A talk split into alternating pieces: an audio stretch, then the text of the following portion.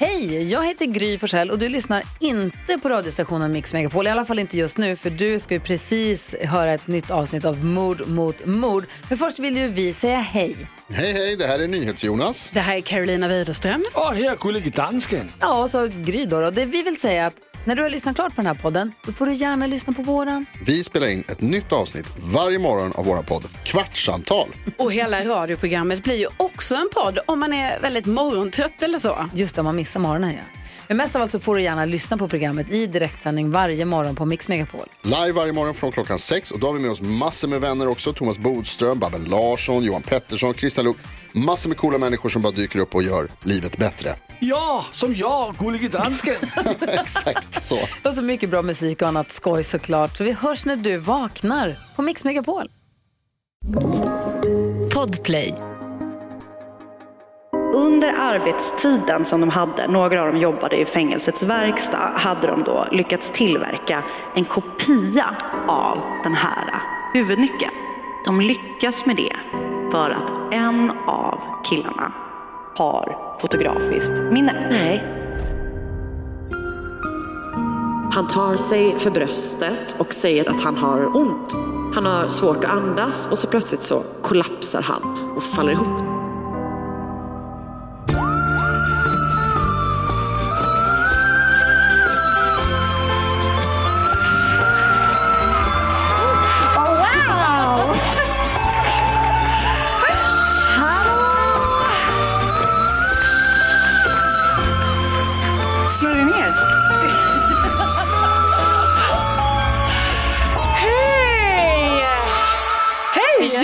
Jösses va? Hur mår ni? Hej! Det känns som ni sitter så Alltså man är ju sugen på att liksom Komma närmre. fram. Lite. Eller hur? Ja. Ehm, Vad kallt det var. Eller?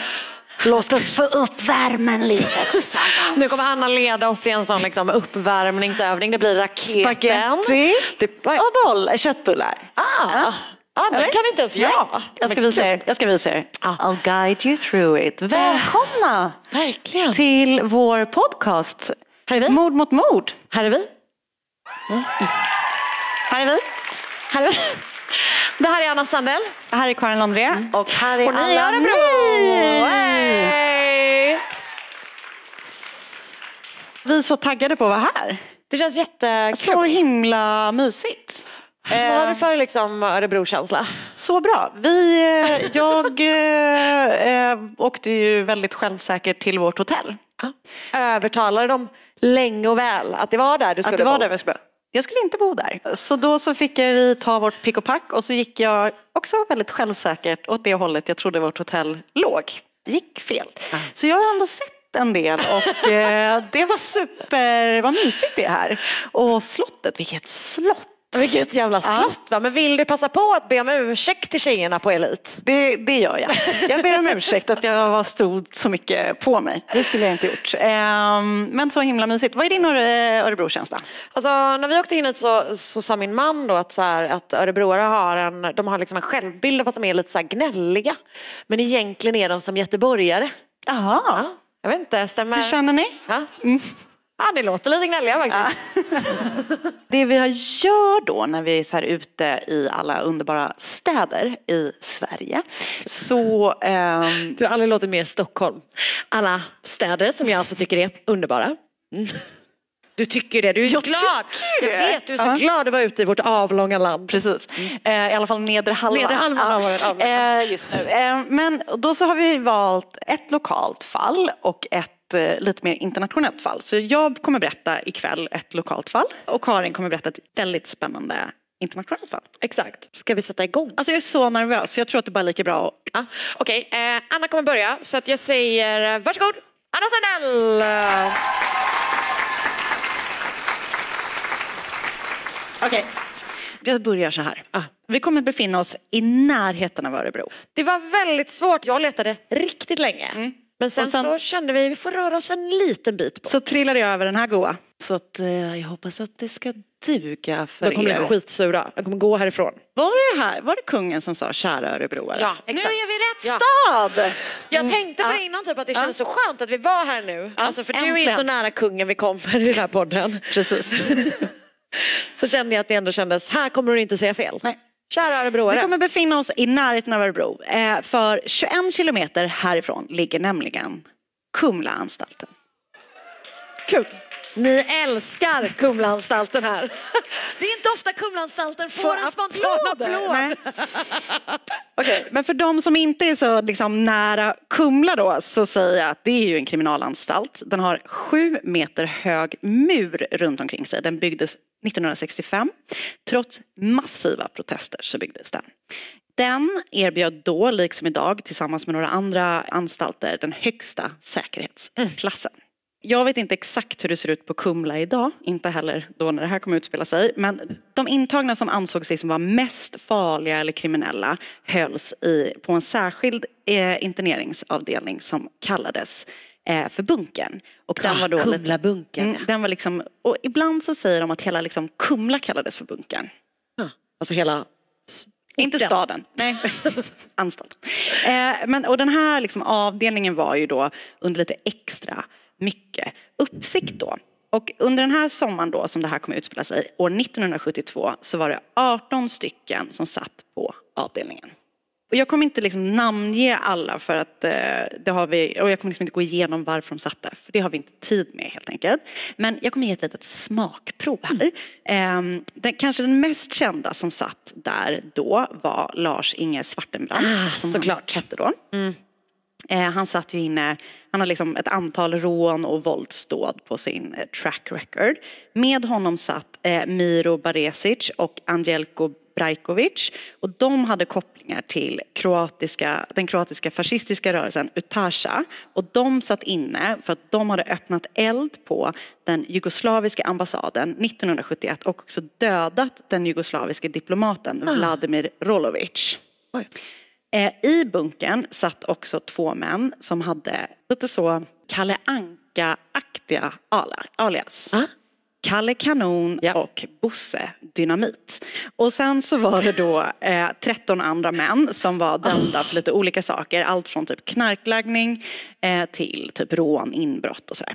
De, hade då, de var under liksom sträng övervakning och hade samma rutiner varje kväll. Klockan åtta på kvällen så fick alla gå in i sina celler och sen blev de inlåsta då för natten. Eh, Kalle Kanon hade flera kvällar under liksom, slutet av sommaren bett om att få gå in i sin cell lite tidigare än klockan åtta för att ta liksom, kväll. Han var trött. Så när han frågade om man fick göra så den 17 augusti 1972 så reagerade vakterna helt enkelt inte på det. De låste om Kalle Kanon och eh, en halvtimme senare Alltså, ju fler gånger du kan säga det desto bättre tycker jag. jag kommer ta varje chans jag får. As you should. Eh, Någon tid senare då, typ en halvtimme eller så, så låste de in de övriga och sen så lämnade de avdelningen, liksom, gick till sitt eh, vaktrum. Och trots då att de inte var på avdelningen så hade de bra koll tyckte de. För att i korridoren så satt eh, mikrofoner. Det fanns liksom inte det här eh, som man väl antagligen har idag med kameraövervakning och sånt. Men man hade ljudupptagning överallt i korridoren. In hindsight så kan nog vakterna känna att de inte skulle ha lämnat avdelningen eller låst in Kalle Kanon tidigare. För natten den 18 augusti 1972 rymde 15 män från den mest säkra avdelningen på ett svenskt fängelse utan några större utmaningar, måste man väl ändå säga. Så att nu ska jag berätta om rymningen från Kumla. Spännande va? Ett poddtips från Podplay. I podden Något Kaiko garanterar östgötarna Brutti och jag, Davva, dig en stor dos skratt. Där följer jag pladask för köttätandet igen. Man är lite som en jävla vampyr. Man har fått lite blodsmak och då måste man ha mer. Udda spaningar, fängslande anekdoter och en och annan arg rant. Jag måste ha mitt kaffe på morgonen för annars är jag ingen trevlig människa. Då är du ingen trevlig människa, punkt. Något Kaiko, hör du på Podplay. Därför är gardinerna. Som ni minns så bad ju Kalle Kanon om att få bli inlåst tidigare i sin cell. Det var inte för att han var mer sömnig än någon annan, utan det var en del av en plan. Ja. Efter att vakterna har låst in honom för vad de då tror är natten har en av de andra männen som sitter på avdelningen kommit med en nyckel som går till huvudlåset på alla celler och släppt ut honom. Och nu tänker ni, nyckel till huvudlåset? Va? Va? Och så var det då, för att några av de här männen som satt i bunkern hade under flera månader planerat rymningen under Bosse Dynamits ledning. Han sägs ha varit den smartaste brottslingen av sin tid. Oj. Han hade... Det hade man inte gissat med det namnet. Nej, Nej. men han hade tydligen sånt eh, mensa-IQ. Liksom. Han var tydligen very, very bright. Eh, och under arbetstiden som de hade, några av dem jobbade i fängelsets verkstad, hade de då lyckats tillverka en kopia av den här huvudnyckeln. Eh, och det är ju ganska otroligt i sig, tycker jag, eh, som inte Är så bra på jobba i verkstad. Att de ens har gjort det. För att det var inte så att de heller hade en nyckel framför sig och kunde följa den. Utan det de har gjort då, alltså de gör ju det här under liksom väldigt stort hemlighetsmakeri. De lyckas med det för att en av killarna har fotografiskt minne. Nej.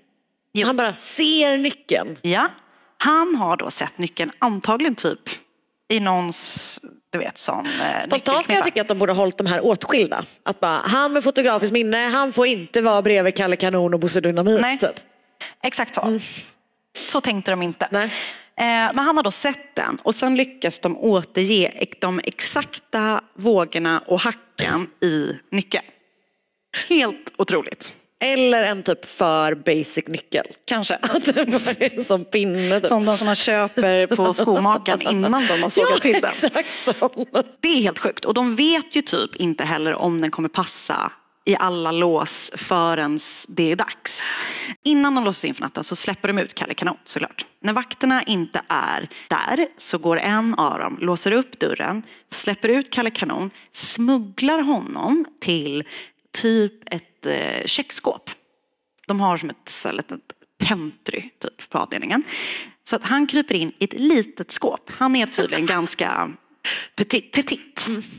Så han kryper in i det här skåpet och sen ska han vänta där tills vakterna har lämnat. Han, får, han, kan ju liksom, han måste sitta där helt stilla och knäpptyst. Så lämnar ju vakterna då för natten. Så när han vet att kusten är fri så går han och låser upp för sina kompisar som han har planerat kuppen med då. Och då är då eh, bossen, Bosse Dynamit, Lars Inge Svartenbrandt och typ en till. Som är fyra stycken som har liksom planerat kuppen. Utan att någon annan vet. För att de är rädda för att någon annan ska sladdra liksom. Och det första de gör är starkt. De har ju mikrofoner på avdelningen. Så att vakterna ska kunna höra om det händer någonting. Veckorna innan det var dags att rymma har den här lilla, lilla gruppen då som har planerat rymningen bett om att få extra smör till sitt bröd vid eh, måltiderna. Så när de kommer ut ur cellerna är det första de gör att ta smöret och smetar in på mikrofonerna för att det ska muffla ner ljudet. Okej, ja. Så absolut. Det är ändå... Mardröm här borta tycker ljudteknikern här borta. Ska vi testa? Fram med smöret. Sen så börjar de samla ihop lite material som de kan tänkas behövas. De eh, tar sängbottnarna och så här ur sina egna celler, samlar ihop i en liten hög. Typ. Sen öppnar de för resten av gänget. Alltså fattar den ändå chocken och bara, kom vi ska rymma. De vet ju inte vad som är i görningen liksom. Eh, Och de släpper alltså ut alla Ja, eller, så- de öppnar för alla. Alla är, blir ju liksom skittaggade på det här. Det är tre personer som väljer att stanna. För att de har så kort tid kvar. Just det. Så att de bara så här, vi kan lika gärna liksom chilla kvar här, lycka till typ. Men det är ändå då ett gott gäng på 15 personer som lite smidigt helt enkelt lyckas rymma från den säkraste avdelningen i landet. Och de har lyckats få med sig lite så här redskap som de kan använda sig av. De har bland annat en sån här blåslampa eller någon sån som, vet, som eh, löder upp Typ. De lyckas liksom få ett litet hål någonstans och de tar sig ut genom olika dörrar och så här. De passerar ett kontor och bara, nej här ligger ju min journal. Vi tar med våra journaler så de inte fattar vilka det är som har rymt, du vet. Bara, jag 15 tror personer. inte det är det enda som gör att de har koll. De tror att det liksom ska försvåra för dem sen. De kommer ut på gården. Klockan är tre på natten. De vet att de har väldigt kort om tid på sig för vakterna patrullerar på gården. Och nu är den här muren. Nu är de vid ett hinder. Den sju meter höga muren. De vet ju att den finns. De har planerat för det här. De har byggt en stege av smör. Det de gör är att de bygger en stege, en nio meter hög stege med hjälp av ribbstolar, sina sängbottnar, typ kvastar, alltså sånt som de har hittat Fråga, i... varför Ja. bygger de en nio meter hög när den är sju? Ja men de måste liksom över den. De bara, vi bygger mer, vi bygger mer. Får liksom... Marginal, Karin. Ja, exakt. Marginaler. De har hittat massa olika saker i fängelset. Ribbstolar, alltså förstår ni bara plocka ner, de har någon tillgång till en gympasal. De bara river ner från väggarna, ribbstolar. Fan, de har ju den roligaste kvällen i sina liv. Alltså så roligt. Ja. De bygger den, har också med sig redskap att bygga typ rep ner på andra sidan. Det är typ att de tar lakan och bygger ner. Kalle Kanon går, får gå först. Såklart, såklart. Eh, ja, men jag tycker den är så stark. Det är som Kalle Anka också. Som liksom bara, här är en jättesvajig stege som vi ska klättra på. Det är otroligt. Hade inte klättrat tror jag. Jag tror jag hade backat där. Men då hade du varit tvungen att gå in, det är väl svårt. Du hade nog fått bara köra på tror jag. Eller? Ja, och sen kommer man upp där, då ska man ner för det där. Så med ändå ganska enkla medel är hela gänget ute utan att någon har märkt absolut någonting. Helt sjukt. Till slut då när eh, vakterna ska ronda igen vid fyra snåret ser de den här stegen. Tänker, vad är det här? Nå- Något som inte stämmer. Och så ser de då att alla celler förutom tre är tomma. Förlåt, men det är, en, det är något kul att bara föreställa sig de tre som satt kvar. Ja, och det, jag, jag har eh, läst en bok där det beskrevs så bara de hade ju ganska förnuliga leenden typ, när vakterna kom att de bara, "Mhm, ja, ja, vi vet inte vad som har hänt. De fattar ingenting. Och det som också är intressant är att han som var typ fängelsechef, han är på sitt landställe när det här händer. Och det är typ att han bara, vad konstigt, men åkte inte ilfart in. Det är som alla är lite så här, jaha, vad sjukt.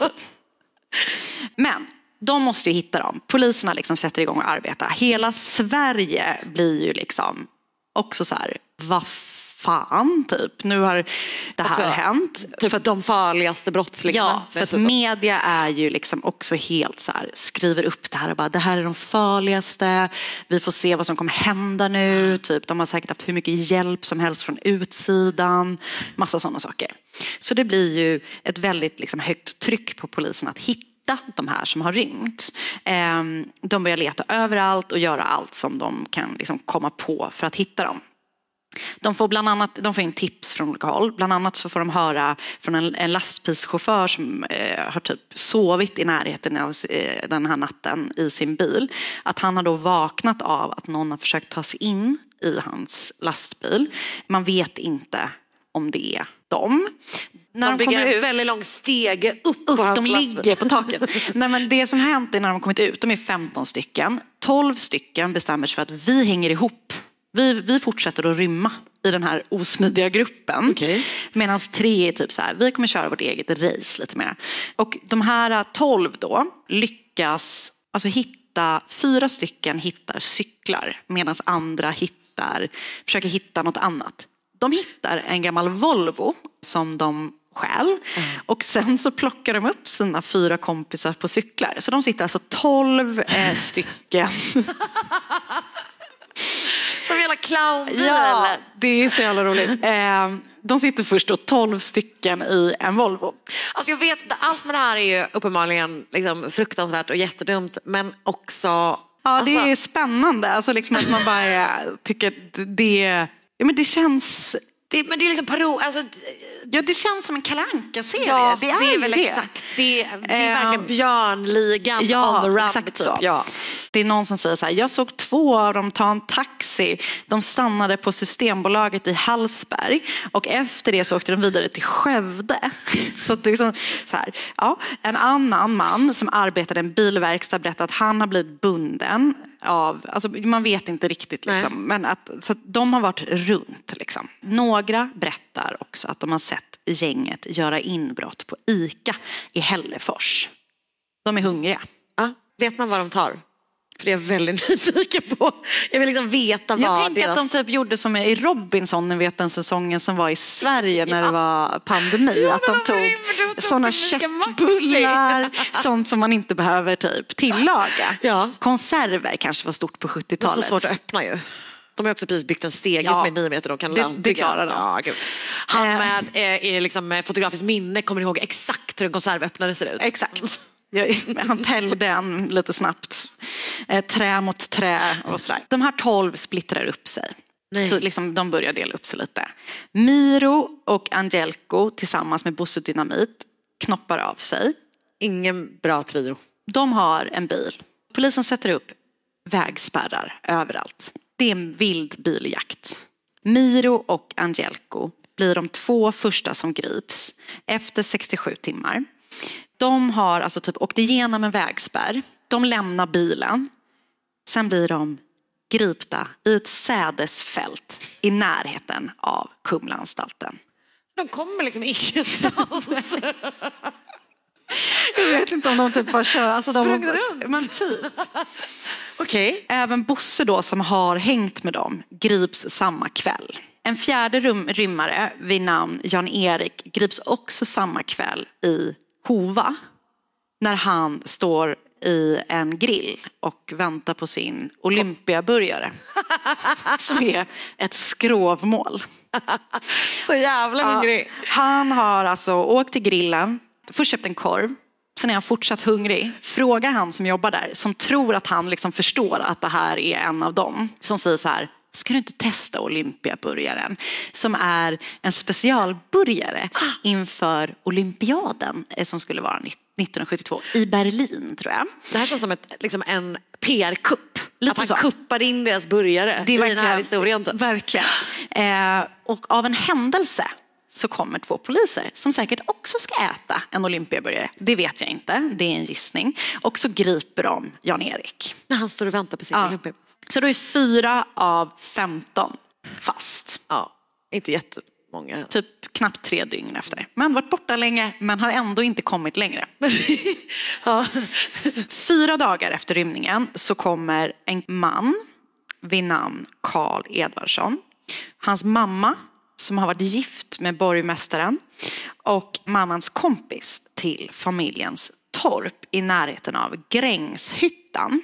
Ankomsten till torpet blir något helt annat än vad de har tänkt sig kan man tro. För när de kommer dit möts de av ingen mindre än Lars-Inge Svartenbrandt som håller i en kniv. Han, Kalle Kanon och tre andra har gömt sig där för att sova och typ äta och typ söka skydd. Sådär. Men de är också där för att en av dem behöver ett par nya byxor. Han har eh, typ skadat handen lite och blodat ner sina brallor när de har flytt. Så att han behöver ett par nya byxor. Så han har inte gjort sönder sina byxor? Han har bara, de är smutsiga liksom. Jag tror, men jag tror att det är för att han vill liksom se hel och ren Ah, okej. ut. Ja. Just det, fair enough. Så att när de här tre personerna kommer till torpet så är en av rymmarna i bara kallingarna. Han har försö- försökt sy om borgmästaren då, alltså pappans byxor. Men det går liksom inte så bra. Ehm, Att det var det de skulle fallera på. Typ. Han, det verkar som att han ändå övertalar mammans kompis om att få hennes byxor. Så att han kommer åka därifrån i byxor. Eh, Men dams, liksom, pantalonger. Ja, och de är typ så här, eh, vi vet vilka ni är, vi, kan liksom, vi gör ingenting om inte ni gör någonting och eh, så ringer det i torpet och då säger man så här, vi svarar inte. Och då säger borgmästaren innan, om vi inte svarar så kommer de börja undra var vi är. Då skiljs de åt som vänner. De har typ druckit kaffe. Men de låses in någonstans så att de inte direkt ska kunna så här, ringa och larma polisen. Så, de som man gör med sina vänner. Ja. De lyckas komma ut och eh, larma polisen. Men då har rymmarna dragit helt enkelt. I bilen som de kom dit i. Dagen efter, fem dagar efter rymningen, är Lars-Inge och Bill Donald Svensson på väg från en annan sommarstuga som de har övernattat i, i Ölsjön. De är på väg hit till Örebro i alla fall. Ah, bra. De ringer en taxi. För att ta en taxi hit helt enkelt. Det skulle de inte ha gjort. För att taxichauffören fattar vilka det är. Han vet vem Lars-Inge Svartenbrandt är. En av Sveriges mest kända brottslingar. Ja. ja så. Mm. Och i taxin då sitter de, så säger Lars-Inge, skulle vilja köpa en tidning, kan du stanna här? Jag behöver köpa tidningen. Sagt och gjort, taxin stannar, då dyker polisen upp. För att de på något vis har taxin, det har lyckats larmas. Det finns ju inte mobiltelefoner, men det var väl kanske via en taxiradio eller något sånt kan man tänka sig. Polisen dyker upp och griper Bill Donald och Lars-Inge. Det är inte ett helt lugnt gripande. Bilder från gripandet vittnar om att det var oh, jävlar. blodigt. Samma dag grips också en annan av rymmarna. Det är en tysk vid namn Eugen när han hoppade på tåget i Blötberget. Han blev igenkänd så när tåget kommer till Grängesberg så grips Eugen i Grängesberg.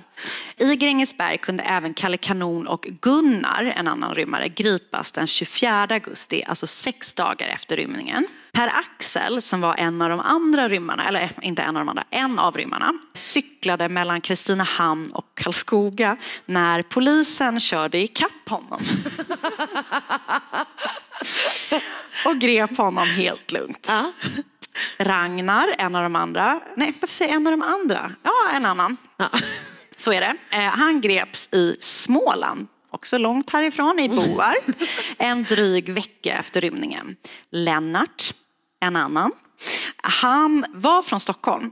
Så att när han hade rymt så stack han till Stockholm och där greps han också en dryg vecka efter rymningen i en lägenhet i Gröndal.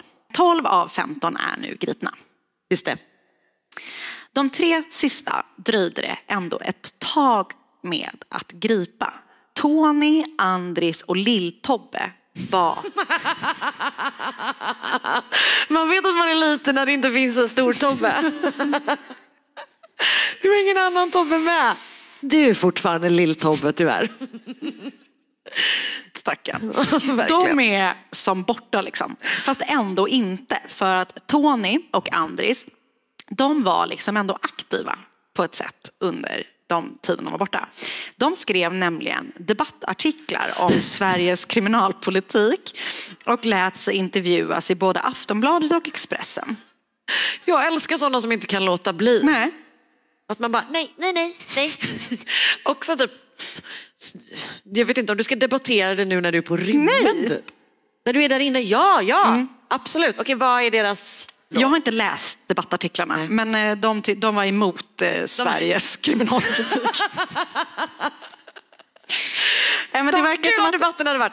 Vi för. Nej, men de, det verkar liksom vara det här att det blivit mycket hårdare, att det blivit mycket tuffare, att vakterna var tuffare. De kallas för vårdare, men de är så här. Eh, Så att de var emot den. Mer än så kan jag inte säga De exakt. ribbstolarna är för svaga. Vi behövde Smöret binda är för tunt. Ja.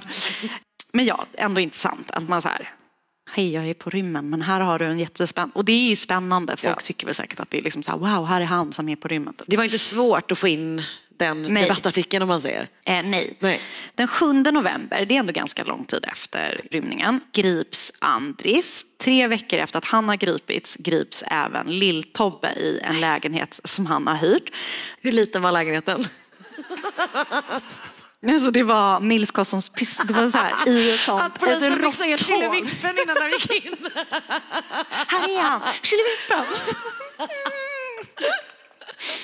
Nej, men under tiden han har hållit sig borta så har han varit i full fart med att planera en resa till södra Europa med sin flickvän.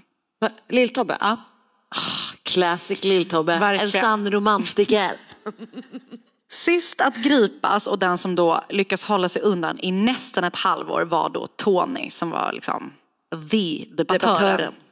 Han grips när han kommer ut ur en lägenhet som han har hyrt i Uppsala den 15 januari 1973.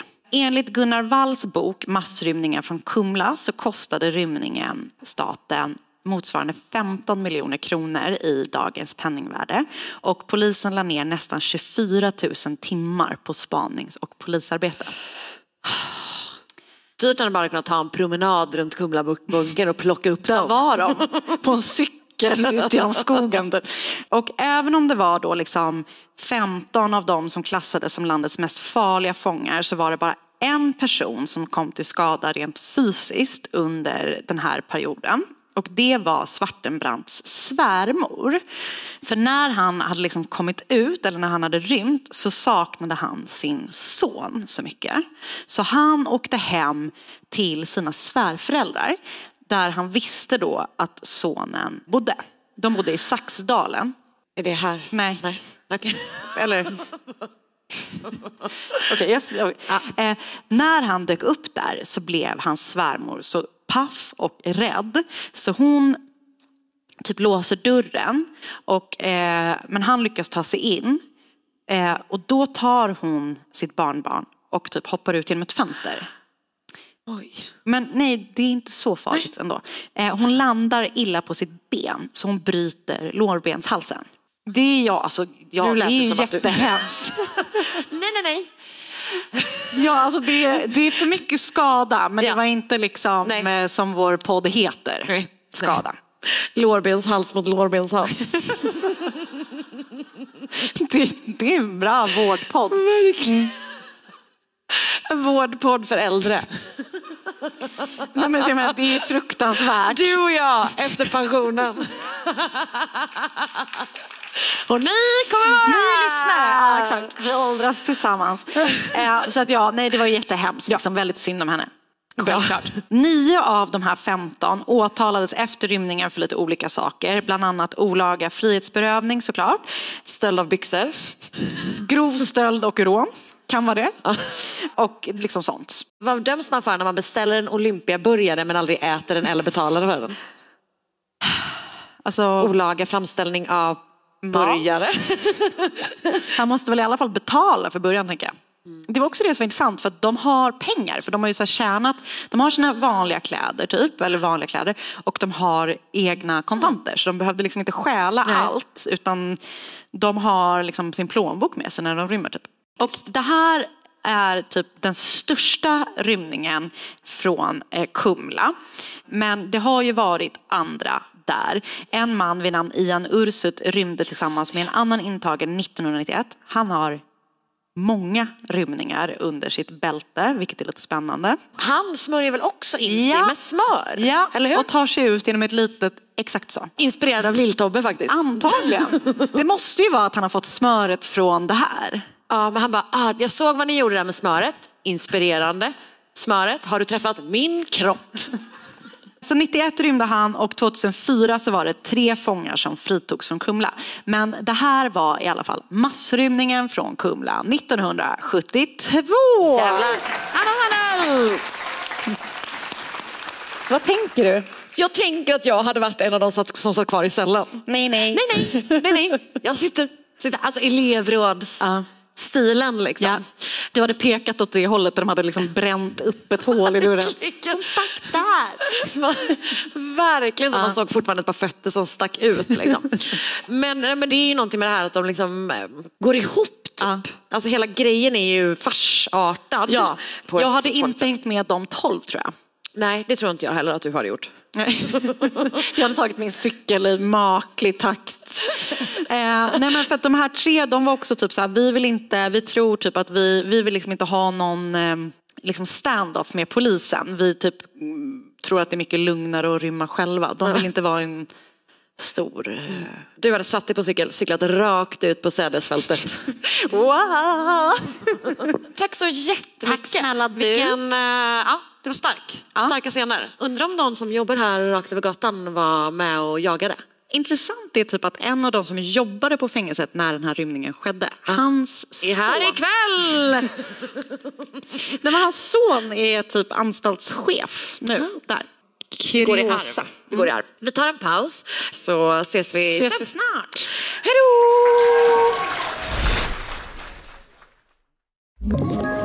Ett poddtips från Podplay. I fallen jag aldrig glömmer djupdyker Hasse Aro i arbetet bakom några av Sveriges mest uppseendeväckande brottsutredningar. Går vi in med hemlig telefonavlyssning och, och då upplever vi att vi får en total förändring av hans beteende. Vad är det som händer nu? Vem är det som läcker? Och så säger han att jag är kriminell, jag har varit kriminell i hela mitt liv men att mörda ett barn, där går min gräns. Nya säsongen av Fallen jag aldrig glömmer på Podplay. Nu är det dags att bli medtagna. Vi kommer bli riktigt medtagna.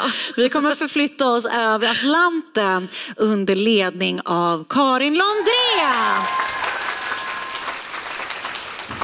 Jag kommer liksom kasta mig in, så häng med. Det är den 29 september 1982 i Arlington Heights, en förort till Chicago. Och 27-årige Adam Janus är hemma från sitt jobb på posten eftersom han har en förkylning som liksom dröjer sig kvar. Adam eh, föddes i Polen men kom till USA som åttaåring med sin familj. Eh, och hans fru Teresa har också polsk bakgrund. Adam och Teresa har två barn. De heter Kathy och Thomas. Den här förmiddagen hämtar Adam Kathy på förskolan. Sen åker han och handlar ett par olika saker. Ett par bitar kött till middagen, några värktabletter och liljor till Teresa. Föredömlig handling. Verkligen. När han kommer hem säger han till sin fru att han ska lägga sig och vila lite för att han ändå har den här liksom förkylningen. Och han går först då in i badrummet men därifrån så kommer han snart ut igen. Han typ tar sig för bröstet och säger så här att han har ont. Liksom. Det är någonting som händer med honom typ. Han har svårt att andas och så plötsligt så kollapsar han och faller ihop. Typ. Det kommer en ambulans, hämtar honom, kör honom till sjukhuset och där kan man då konstatera att han kan inte räddas. Kvart över tre på eftermiddagen dödförklaras Adam Janus. En till bara några timmar tidigare, liksom ung, stark man. Typ. Han, så här, ja, han hade en förkylning, men det var det. Det är ingenting annat. Liksom. Läkarna berättar för familjen då att de vet inte vad som har hänt men de tror att det kan vara en, liksom en hjärtattack eller någon slags hjärnblödning men de, de vet inte. Och det här är förstås en enorm chock för den här familjen. De samlas liksom i Theresa och Adams eh, hem och börjar ja, försöka processa det här på något sätt. Hans yngre bror Stanley och hans fru, eh, de har bara, bara liksom varit gifta i tre månader. Hon är eh, 20 år gammal och heter också Teresa. Eh, har också polsk bakgrund. Så de heter väl helt enkelt inte Teresa utan det är någon slags amerikansk uttal av det. Men hur som helst, eh, de har liksom båda två ont i huvudet och de går då in i badrummet på jakt efter värktabletter. Snart kommer Stanley tillbaka till köket och det är liksom som att samma scen spelar upp sig igen med det som hände med Adam. Att han här, tar sig för bröstet, liksom, säger att det är, så här, det är någonting som händer, han har ont och sen så faller han ihop.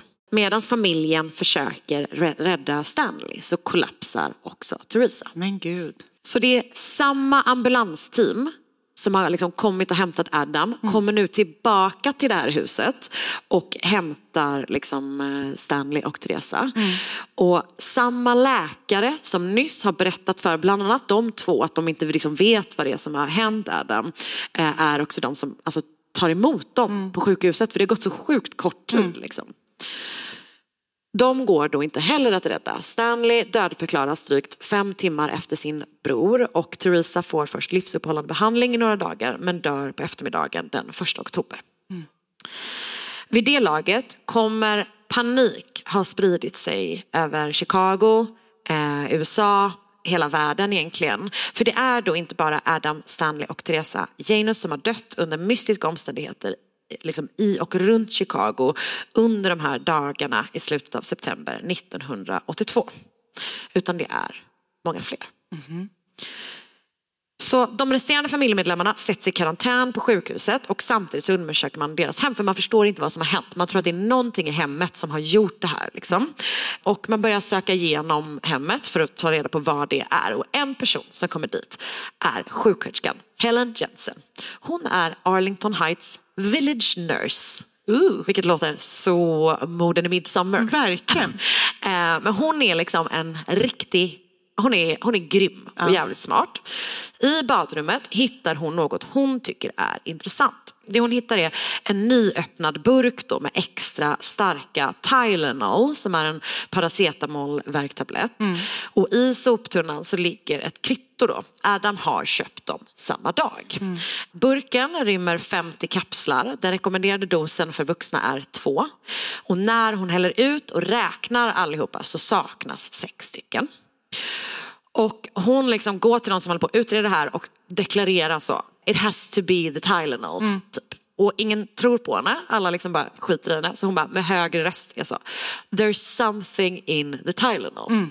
Det här är en, en enorm, det är, det är Alvedon typ. Alltså det är liksom en super super välkänd Mm. liksom, och eh, extremt såld liksom, värktablett som alla har hemma typ. Och snart får man då höra om ytterligare ett fall där den personen som har dött har tagit just Tylenol. För en dryg timme innan Adam Janus köpte sin burk med värktabletter så dödförklaras 12 år gamla Mary Kellerman på ett annat sjukhus i Elk Grove Village som också är en annan liksom, Chicago-förort. Och hon, Mary Kellerman, var Dennis och Jenna Kellermans enda barn och brukade typ laga mat med sin mamma och spela Atari med sin pappa. Och vid sex på morgonen den 29 september så vaknar Mary och känner sig riktigt krasslig. Alltså hon har feber och ont i kroppen och sådär. Och hon blir då tillsagd att ta en Tylenol och gå och lägga sig igen. Men hon hinner aldrig tillbaka till sin säng utan hennes pappa typ hör en duns från badrummet och hittar då henne. Och hon körs till sjukhus men går inte heller att rädda. Och av en slump får liksom de på Arlington Heights-sidan höra om det här eh, och liksom börja koppla ihop det med vad som har hänt Janus-familjen då. Och det händer väldigt mycket under de här första timmarna. Utredarna ringer liksom hela tiden så giftexperter och rättsmedicinska experter och sådär.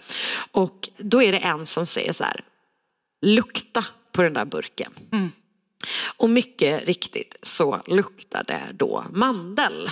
Man testar helt enkelt för cyanid som ju luktar mandel fast man kan bara, jag tror bara typ att ungefär hälften av befolkningen kan typ känna den doften. Men man testar i alla fall och kan då konstatera att några av kapslarna i burken innehåller giftet cyanid. Och med det här då så inleds ju liksom en eh, intensiv insats för att förhindra att fler ska dö av förgiftade värktabletter. För tre personer så är det redan för sent. Marilyn Rayner var 27 år gammal och bodde i Winfield, också liksom lite längre ut från Chicago. Den 29 september 82 var hon hemma med sin svärmor, man och deras barn. Eh, det yngsta, en pojke, var bara sex dagar gammal och hon hade liksom blivit tillsagd av sin läkare att ta Tylenol för att hon hade precis gått igenom förlossning. enkelt. Klockan är strax innan fyra på eftermiddagen när hon tar en tablett och typ faller ihop på en köksstol. Ungefär samtidigt som Theresa och Stanley Janus hämtas av ambulans tar Mary McFarland rast från sitt jobb i en telefonaffär i Yorktown Shopping Center i Lombard. Mary är 31 år gammal, ensamstående mamma till två söner.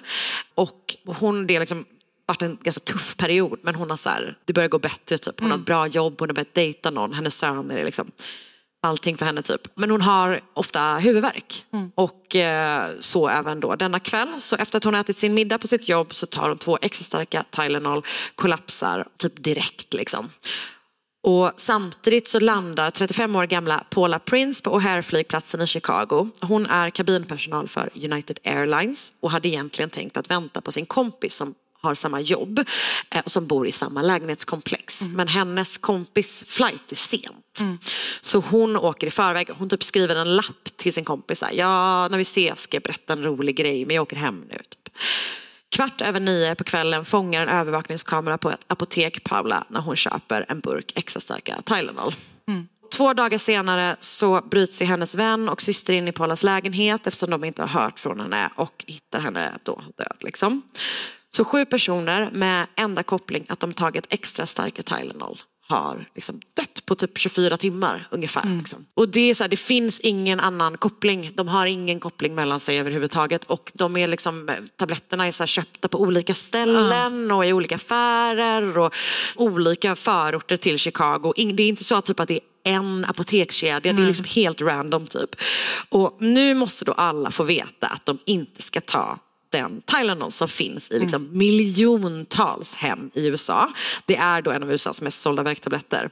Man håller presskonferenser, sätter in tidningsannonser, delar ut flyers, sätter upp affischer och de gör, kör också runt med alltså, polisbilar med högtalare på taket. Som ropar ut? Ja.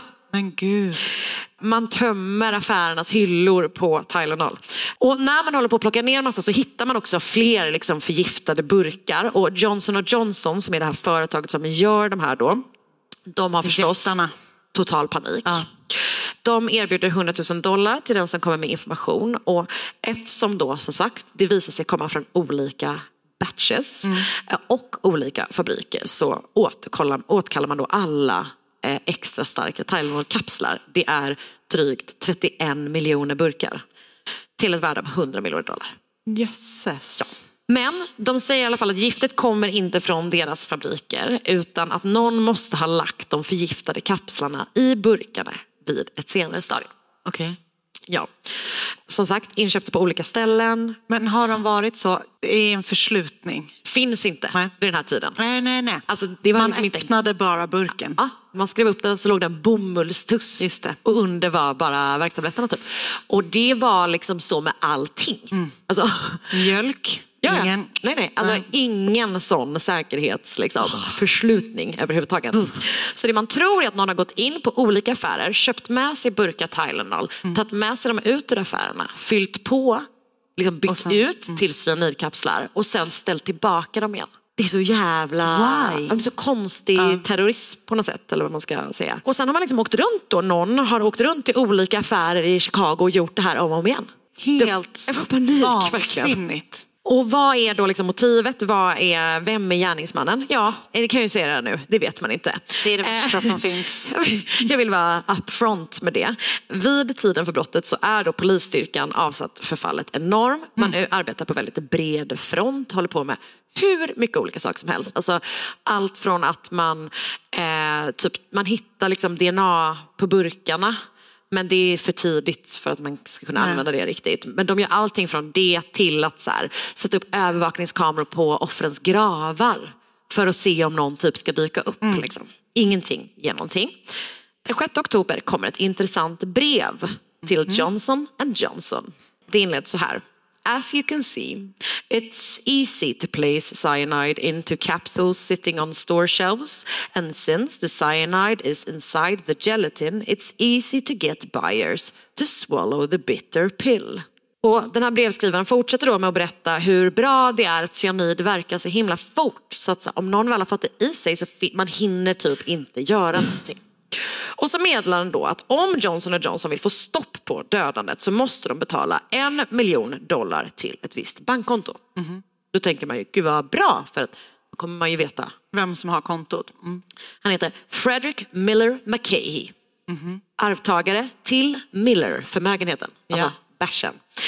Han kan dock eh, snart frias från misstankarna. Han har inte varit en så dum eh, utpressare att han bara så här, ah, sätt in, här är mitt swishnummer, eh, skicka över.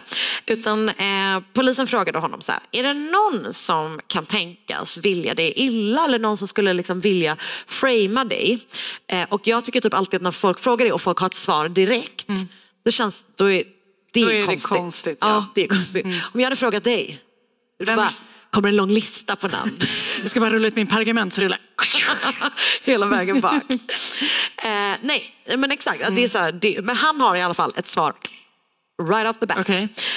Han eh, svarar då Robert och Nancy Richardson. Nancy har då jobbat för honom när hans bolag, han har någon slags resebyrå, de gick i konkurs och hennes lönecheck bounceade på något sätt. Och det har lett till en stor konflikt med hennes man Robert. Han har typ kommit till jobbet och typ varit med på massa olika möten och sånt. Fastän folk bara, men du jobbar ju inte här. Du är bara I'm representing my wife. Ja, och med hans fru bara, he's representing me. Nej, men så han har liksom gått dit och bara startat stora bråk med hennes Vad jobbar chef. han med? Jag ska berätta. Ah, Jag ska okej, berätta. okej, okej. Mm. Händelserna i förväg. FBI börjar leta då efter Robert och Nancy och de får snart napp för då kontaktades de av polisen i Kansas som säger att den där Robert Richardson, han heter egentligen James Lewis och han är misstänkt för både det ena och det andra. James, eller Jim Lewis och hans fru Leanne har drivit redovisningsbyrån Lewis and Lewis Business Tax Service. Det låter starkt. Ja, Jag tycker typ att det låter så svagt. Alltså, om man heter samma efternamn, då får man typ bara, bara välja en Lewis. Nej, jag gillar det. Ja, okay. mm. eh, Sandell och Sandell redovisningsbyrå. De har då hjälpt folk med skatten på lite olika sätt. Tveksamma sätt? Ja, d- delvis kanske. De har varit misstänkta för kanske lite så bokföringsbrott brott och bedrägeri och lite sånt. Men inte nog med det. 1978 så hade Jim varit misstänkt för mord i Kansas City.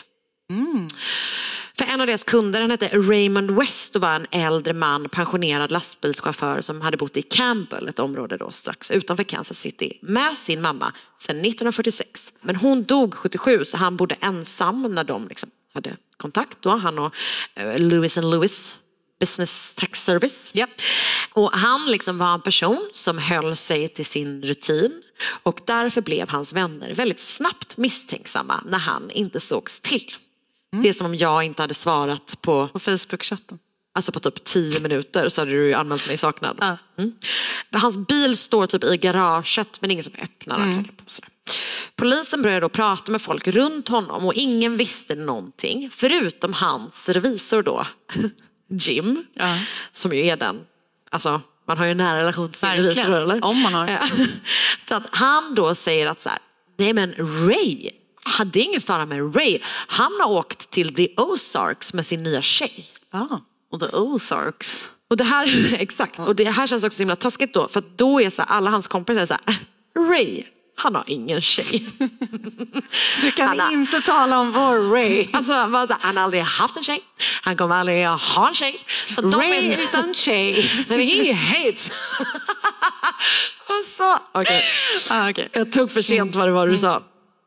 Men jag gillar det riktigt mycket. Så att alla är så här, nej det tror vi inte stämmer. Och nästa gång polisen kommer till huset så sitter en lapp på dörren. Där står det, Ray is out of town until Thursday. For further call Jim. Brevet är skrivet på brevpapper från Lewis and. Lewis Business Tax Service och inte heller i Rays handstil. Nej, vattentätt. Alltså han är så smart. Ja, uppenbarligen. Vem var det som var smart i ditt fall? Bosse Dynamit. Bosse Dynamit over here. Jajamän. När polisen bryter sig in i huset ligger en annan lapp på köksbordet. På den står det Please don't disturb until after one. Sleeping late. Vilket känns som en så jävla kortsiktig plan. Att man bara, jag behöver bara Tre timmar till. tre timmar till. bara polisen inte går upp på övervåningen nu. Vänta till efter lunch. Men man hittar då liksom ingenting i huset, inte förrän några veckor senare, den 14 augusti. Då har det börjat lukta.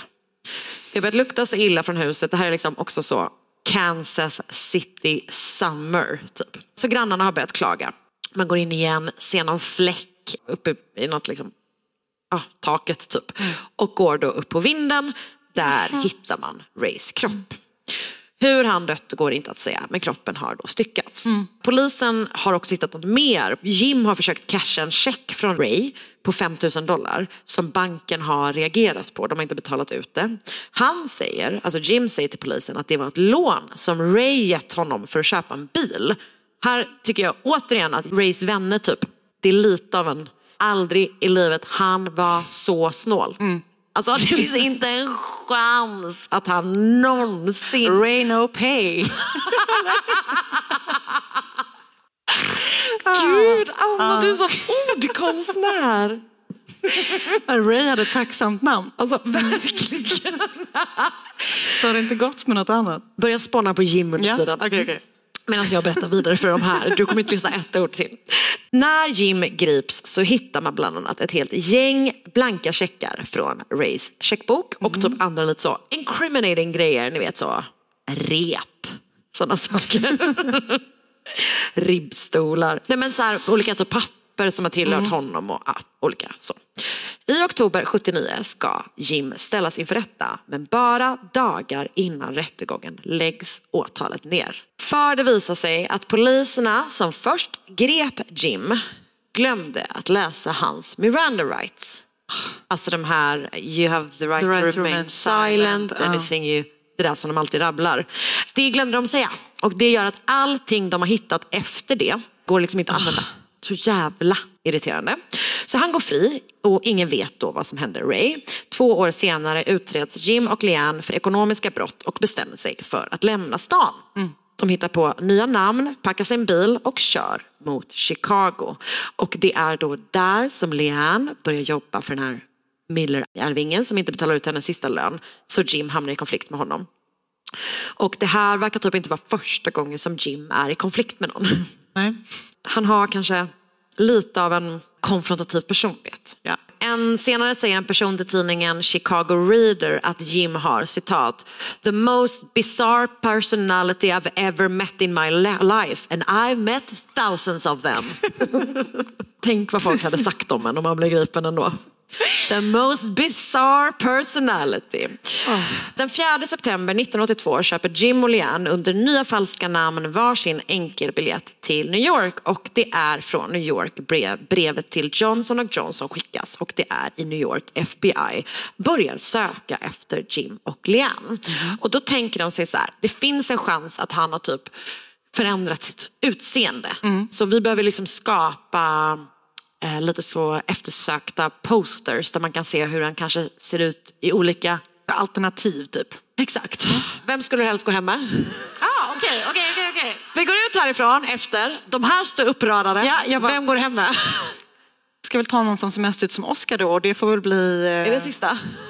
Nej men Oscar har ju glasögon men det är inte så långt, du är väl han längst ner till vänster då? Ja, längst ner till vänster. okej. Så Marcus är verkligen bara recent photo. Ja. Ja. Oscar är clean shaven with glasses och Marcus är recent photo.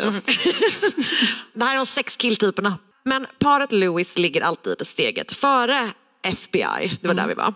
Jim är ju också en person som inte kan låta bli att kontakta pressen. Han skriver massor av brev till olika tidningar eh, och som handlar väldigt mycket om det här att han liksom då anklagas för att inte bara ha gjort den här utpressningsgrejen utan vara ansvarig för Tylenol-morden, vilket ju han tycker är helt jävla absurt såklart. Eh, så att det handlar mycket om det. Det blir tydligt då, för polisen får ju såklart de här breven. Och det blir tydligt att eh, han läser liksom då allt som skrivs om det här. Och eh, han måste då ha tillgång till Chicago-tidningar i New York. Han kopierar också en hel del artiklar. Så var kan man läsa många tidningar och kopiera saker? På Biblioteket. Bibblan. Ja. Så man riktar alltså in sina sökinsatser på biblioteken i New York. Sätter upp den här creepy ass posten Ja. Till alla. Det känns som att... Any där- one of these? Verkligen. Bibliotekarierna bara, all of them please. Ehm, nej men så efter ett tag så är det alltså en bibliotekarie som ringer och berättar att hon just hjälpt en man hitta två böcker eh, som listar adresser. Den ena heter Newspapers of the Southwest och den andra heter Largest Corporations in America. Ja. Alltså han är inte, han är tydlig. Så när polisen kommer dit och knackar på hans axel ställer sig då Jim Lewis upp och låter dem sätta handbojor utan motstånd. Han erkänner att han har skickat brevet men han säger att han inte haft något med Tylenol-morden att göra. Han har bara använt dem för att rikta misstankar mot Frederick Miller McKay som han säger ägnar sig åt ekonomisk brottslighet. Så han har liksom bara tagit den medieuppmärksamheten och riktat den mot honom. Typ. Och oavsett om polisen tror på det eller inte så har de ingenting som binder honom till de här, den här händelsen. De kan inte ens bevisa att han har varit i Chicago vid den Okej. tiden. Han åtalas för utpressning och döms till tio års fängelse. I fin- finkan bestämmer han sig för att vara lite hjälpsam. Så han tar kontakt med FBI och erbjuder sin service. Han har lite tråkigt för precis på samma sätt som du berättade om din person förra veckan. Då berättade ju de om Nanny Doss som ingen ville äta hennes mat i finkan. Han har lite samma problem. Han skulle egentligen vilja laga mat men alla är så här, nej tack. Potential cyanide man. Håll dig borta från Alla köket. som har förgiftat någon vill man ju helst inte äta något från. Nej, nej exakt. Men han, har ju bara, alltså, han är ju dömd för att ha skrivit det, nej, brev. precis. Liksom. Så han kan istället tänka sig att spåna lite kring hur Tylenol-morden skulle kunna Ah. gå till. Han är en smart kille. Men han är, ja absolut. Så han sitter i flera dagar med olika utredare och kommer med lite olika förslag. Ganska många, alltså hundratals idéer om hur det hade kunnat gå till. På alla papper så skriver han Drawn on speculation at request of Assis- Assistant US Attorney Jeremy D. Margolis. Så att ingen ska kunna påstå att det här är ett erkännande. Men Du ser här längst ner. Ja, jag tycker också att han har gjort formler. X, I minus T, E minus N. Ja, det är så himla starkt tycker jag att han bara skriver i hörnet. Det här är bara att jag spekulerar. Och att han har fått det se ut som en stämpel, som att han bara... Han kanske skrev det så många gånger att han behövde Mm. göra en stämpel. Och när alltså så här, folk är ändå så här, men fan, är det kanske ändå inte så att du är inblandad i de här morden? Då säger han så här. I could send a letter to the Roman Senate saying give me one million gold pieces and I will stop the killing of Caesar. That doesn't mean I killed Caesar. Mm. 1995 släpps Jim fri, åker raka vägen till Leanne som har väntat tålmodigt på honom. Han startar upp sin eh, nya business, IT-byrån Cyber Lewis. Jag har liksom letat efter den hemsidan. Jag tror verkligen att det är exakt min visuella smak i hur jag tänker Jag mig att Cyber det Lewis ser ut. låter som typ en superhjälte. Ja, en sån nördig I'm Cyber Lewis. Men jag tänker mig nämligen att hans hemsida ser ut, du vet hur Heaven's Gate hemsidan ser Ja. ut? Ja, det är ju den snyggaste liksom, grafiska profilen. Allt annat dåligt, men just det, hemsidan ser fan... Den är Och liksom en- 95 också, det var ju liksom lite i internets... eh, Det var inte, internet fanns väl tidigare än så, men att det ändå var då typ word art och sånt var väldigt stort. Så härligt. Clip art. Ja. Eller? Va? Nej, word art. Ja, klipp. Ja. Cyber Lewis. 2010 så gav han ut boken Poison, The Doctor's Dilemma om en väldigt smart doktor som eh, fights crime. Mm. Han har alltså aldrig bundits till morden men polisen har ansett honom vara fortsatt intressant och har liksom återkommit till honom om och om och om igen. Vilket ju är fruktansvärt eh, med tanke på att alltså, Om man är oskyldig. Exakt, precis. Och han har också typ pratat om det, att han bara, jag har blivit anklagad för det här i 40 års tid. Typ. Senast 2022 gjordes nya förhör och eh, ny husrannsakan. Det gav ingenting. Och dessutom testade man också hans DNA mot det som hittats på de förgiftade burkarna. Det var ingen match. Och Jim Lewis dog i juli i år. Polisen har haft andra misstänkta. Juna-bombaren Ted Kaczynski utreddes så sent som för tio år sedan, ledde ingenstans. Och sen så hade man också en person som tidigt kom upp under utredningen och var, har ansetts vara intressant väldigt, väldigt länge. Är en man som, eh, han, blev, han liksom dök upp på polisens radar för att han skröt mycket på olika barer om att han hade cyanid hemma. Man vet ju killtypen. Eh, han ansågs vara någon slags hemmakemist. Och hade en bok hemma som hette The Poor Man's James Bond. Där man bland annat kunde då läsa mycket om gift, vilket man bara, det känns inte som James Bond Det är på så mycket med James Bond. gift. Det är en bov. James Bond. Det är en bov. Ja, verkligen. verkligen. Eh, han dog, just det, the poor man's James Bond villain. Han dog 2008 men friades slutgiltigt från misstankarna efter hans död för att man alltså tog upp hans kropp eh, och jämförde DNA med det på burkarna. Och det matchade då inte heller. Johnson Johnson betalade en eh, aldrig avslöjad summa till offrens familjer och efter ett tag så återlanserade de Tylenol. Tabletterna blev återigen en av USAs mest sålda värktabletter och utöver då, mor, alltså liksom, de här morden har ju en enorm påverkan på jättemånga, eh, inte minst liksom, eller, i familjerna och sådär. Och det är ju många, liksom, är helt fruktansvärt. Eh, men det fick också stor påverkan på det amerikanska samhället. Den här skräcken, du vet att halloween-godis är förgiftat, det är samma år som det händer första gången. Så det är liksom kopplat till Tylenol-morden. Men även det här som du nämnde innan med säkerhetsbeslutningsgrejen, det kommer efter det här. Så det är liksom hela den här grejen att det är någon sån säkerhetsring på förpackningar i allmänhet. Det blir ett krav efter Tylenol-morden. Så det kan man ju liksom tänker Ja. på nästa gång man Alltså jag känner sig säker när man öppnar en flaska olivolja. Ja, men jag hade en period när jag var mm, som mest OCD att jag kände på mjölken om den var öppen eller stängd. Alltså, för den en liten sån. De har ju en sån klick. Kan du? Ja. Okej. Så det you, var Tylenol. eh, Tylenol-morden i Chicago. Ja, wow. Ett, Väldigt ett av de spännande. här liksom, olösta, stora, mystiska, Ja, fruktansvärda fallen. Typ. Jag tror att det är någon som här har... kommer svaret. Du frågade inte, men jag kommer säga det ändå. Jag tror att det är någon som har en vendetta mot Johnson Johnson. Mm. Det måste vara det. Bra, så löst. Då löste vi det. tack Karin! Heja!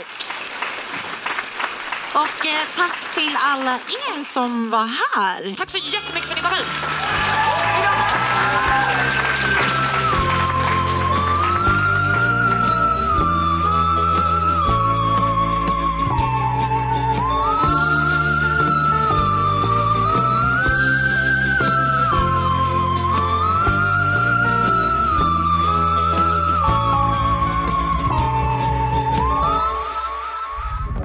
Podplay, en del av Power Media. Poddtips från Podplay. I podden Något Kaiko garanterar östgötarna Brutti och jag, Davva, dig en stor dos skratt. Där följer jag pladask för köttätandet igen. Man är lite som en jävla vampyr. Man har fått lite blodsmak och då måste man ha mer. Udda spaningar, fängslande anekdoter och en och annan arg rant. Jag måste ha mitt kaffe på morgonen för annars är jag ingen trevlig människa. Då är du ingen trevlig människa, punkt. Något Kaiko, hör du på Podplay. Därför arkadeinerna.